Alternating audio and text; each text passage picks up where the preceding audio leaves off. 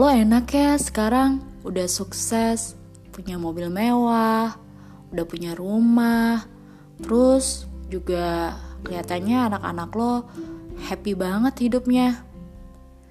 Lo juga kelihatannya lo udah sukses banget, udah ke mana-mana, udah keliling dunia. Ya pokoknya gue ngeliat lo sukses banget deh. Iya ya, kalian pada sukses. Kalau gue bisa nggak ya sukses?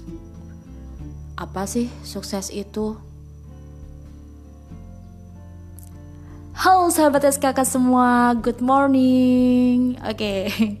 jadi epilog yang tadi itu adalah uh, penggalan epilog uh, dari buku yang akan gue angkat sebagai topik pembicaraan kita hari ini, yaitu dari bukunya Gobin Dev yang Happiness Inside.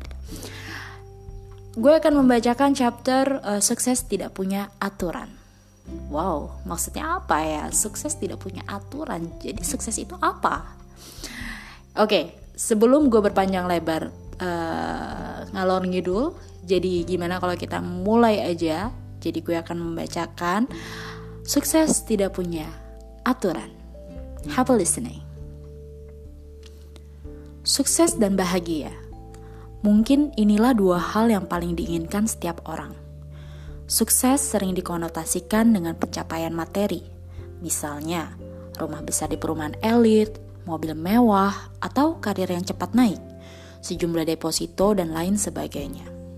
Sementara, bahagia sering diartikan sebagai sebuah perasaan yang damai, tenang, atau secara kasat mata kita melihat orang yang berbahagia adalah orang yang selalu tersenyum.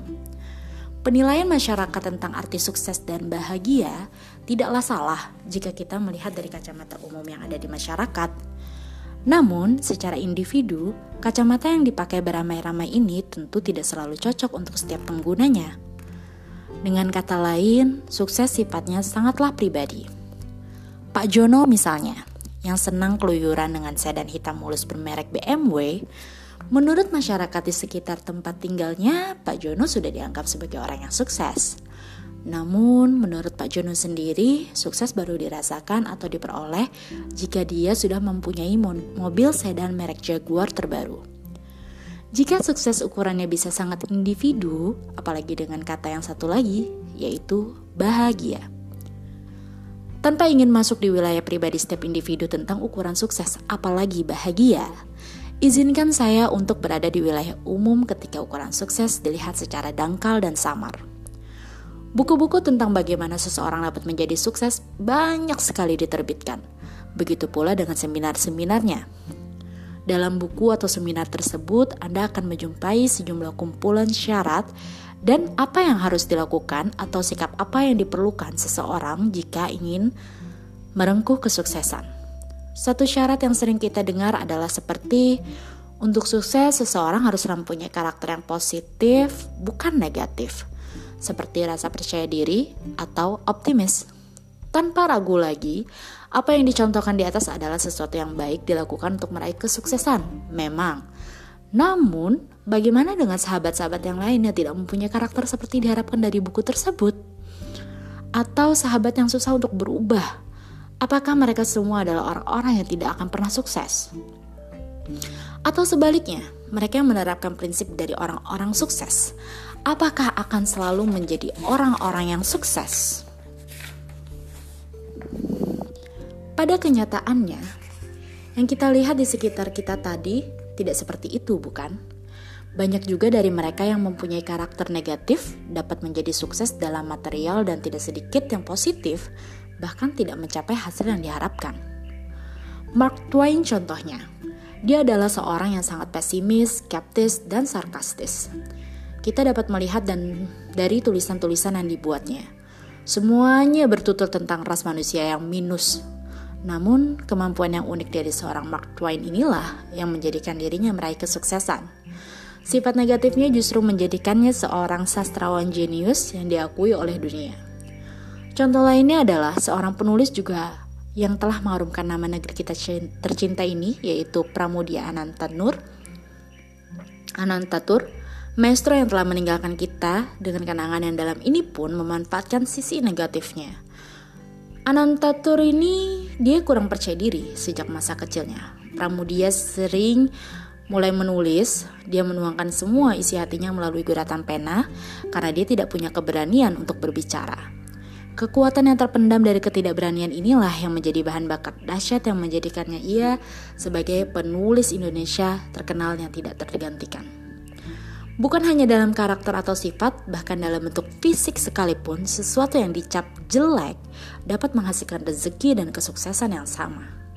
Anda dapat melihat seorang pelawak yang mempunyai bentuk dan ukuran tubuh yang dianggap tidak wajar, dapat memanfaatkan yang mereka miliki menjadi ladang penghasilan yang tak kalah dengan lainnya.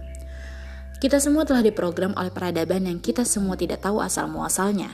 Kita telah diprogram untuk meyakini tingkah laku tertentu adalah positif dan yang lainnya adalah negatif.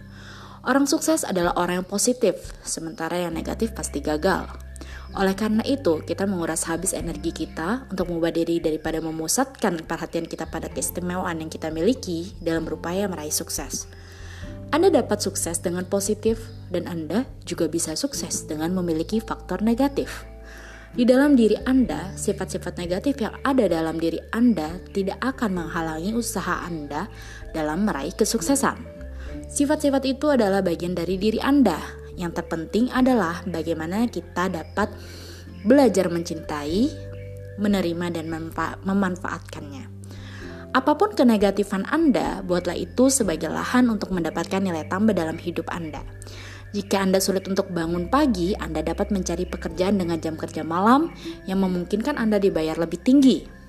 Jika kenegatifan Anda suka melap makanan lezat saja, carilah pekerjaan sebagai koki atau tulislah buku tentang tempat-tempat makanan yang terbaik di kota Anda. Atau jika sesuatu yang negatif di diri Anda adalah suka menonton film, jadilah kritikus film atau reviewers movie gitu. Jika Anda belum menemukan pekerjaan seputar kenegatifan Anda, pikirkan sesuatu yang kreatif, sesuatu yang belum terpikir oleh orang lain. Karena di dalam setiap hal, baik positif ataupun negatif, selalu tersimpan aset yang luar biasa yang selalu menanti untuk ditemukan. Misteri kehidupan ini tidak di mana-mana itu tersembunyi di dalam sifat Anda. Pencipta kita sangatlah adil. Dia memberikan segala sesuatu dengan baik, jika dia menciptakan orang percaya diri, dia juga menciptakan orang yang minder. Tetapi keduanya adalah baik. Keduanya pun sama-sama mempunyai kelebihan dan kesuksesan dapat diraih oleh keduanya. Jika seperti ini ceritanya, sepertinya sukses tidak memiliki peraturan, bukan? Sukses dapat menghampiri mereka yang optimis, juga menyapa yang pesimis. Sukses dapat berlabuh pada seorang yang cekatan dan keras, tetapi juga bisa mendarat pada sahabat kita yang lambat dan fleksibel. Sekarang, apakah Anda ingin membenci sifat-sifat negatif yang melekat dalam diri Anda? Berusaha untuk menyingkirkannya dengan sekuat tenaga, atau merangkulnya, menjadikannya sebagai sahabat dan memanfaatkannya? Semua sepenuhnya tergantung pada Anda. Jadi, uh, sekian ya yang gue bacakan dari chapter Sukses Tidak Memiliki Aturan.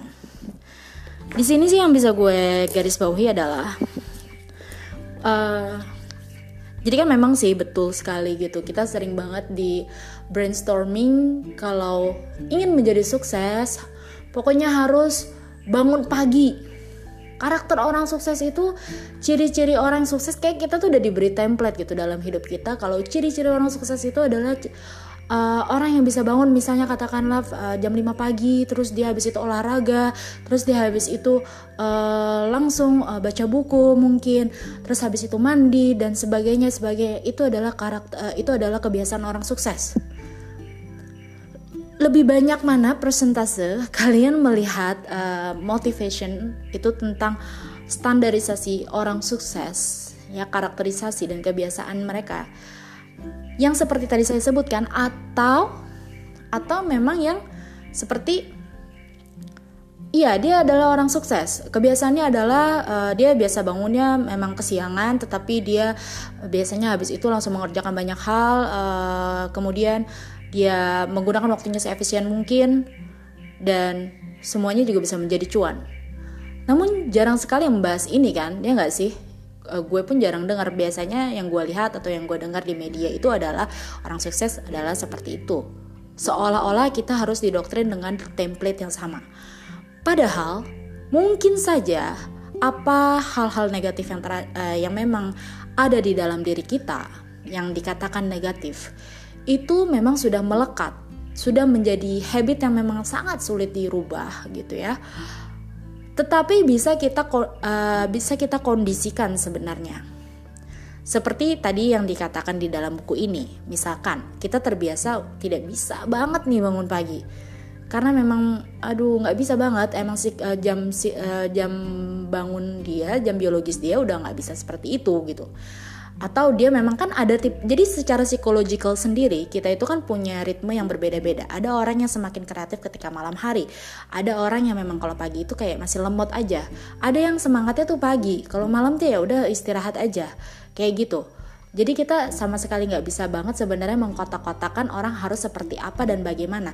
Tetapi karena memang template-nya saat ini semuanya sudah mengarah ke sana, mungkin lebih banyak kesempatan untuk orang-orang dengan karakter yang sama yang dikatakan positif tersebut.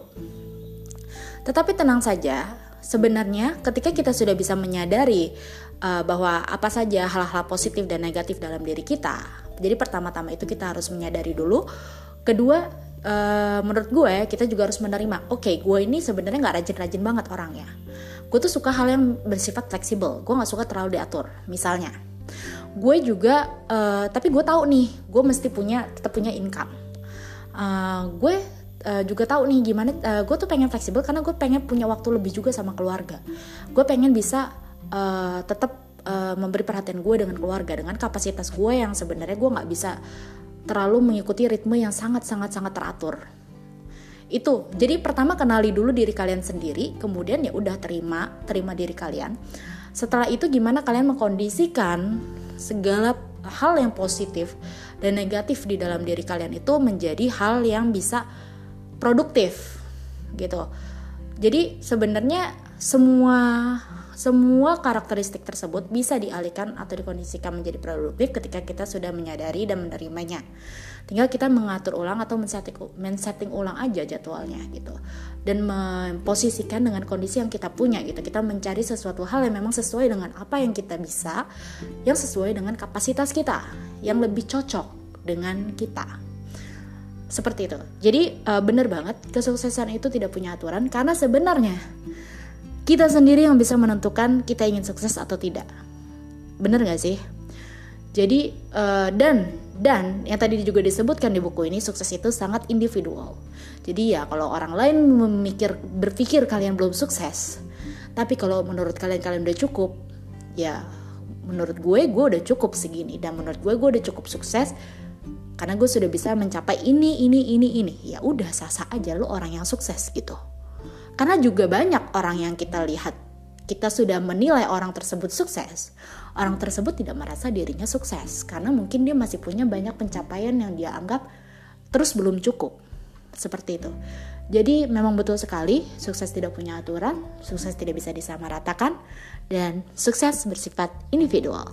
Bagaimana tanggapan kamu? Jika kamu punya tanggapan kamu, kamu bisa DM langsung ke aku atau jika kamu juga punya ide-ide yang pembahasan yang menarik untuk dibahas di podcast SKK berikutnya, kalian juga bisa share di DM Instagram @anasrama27.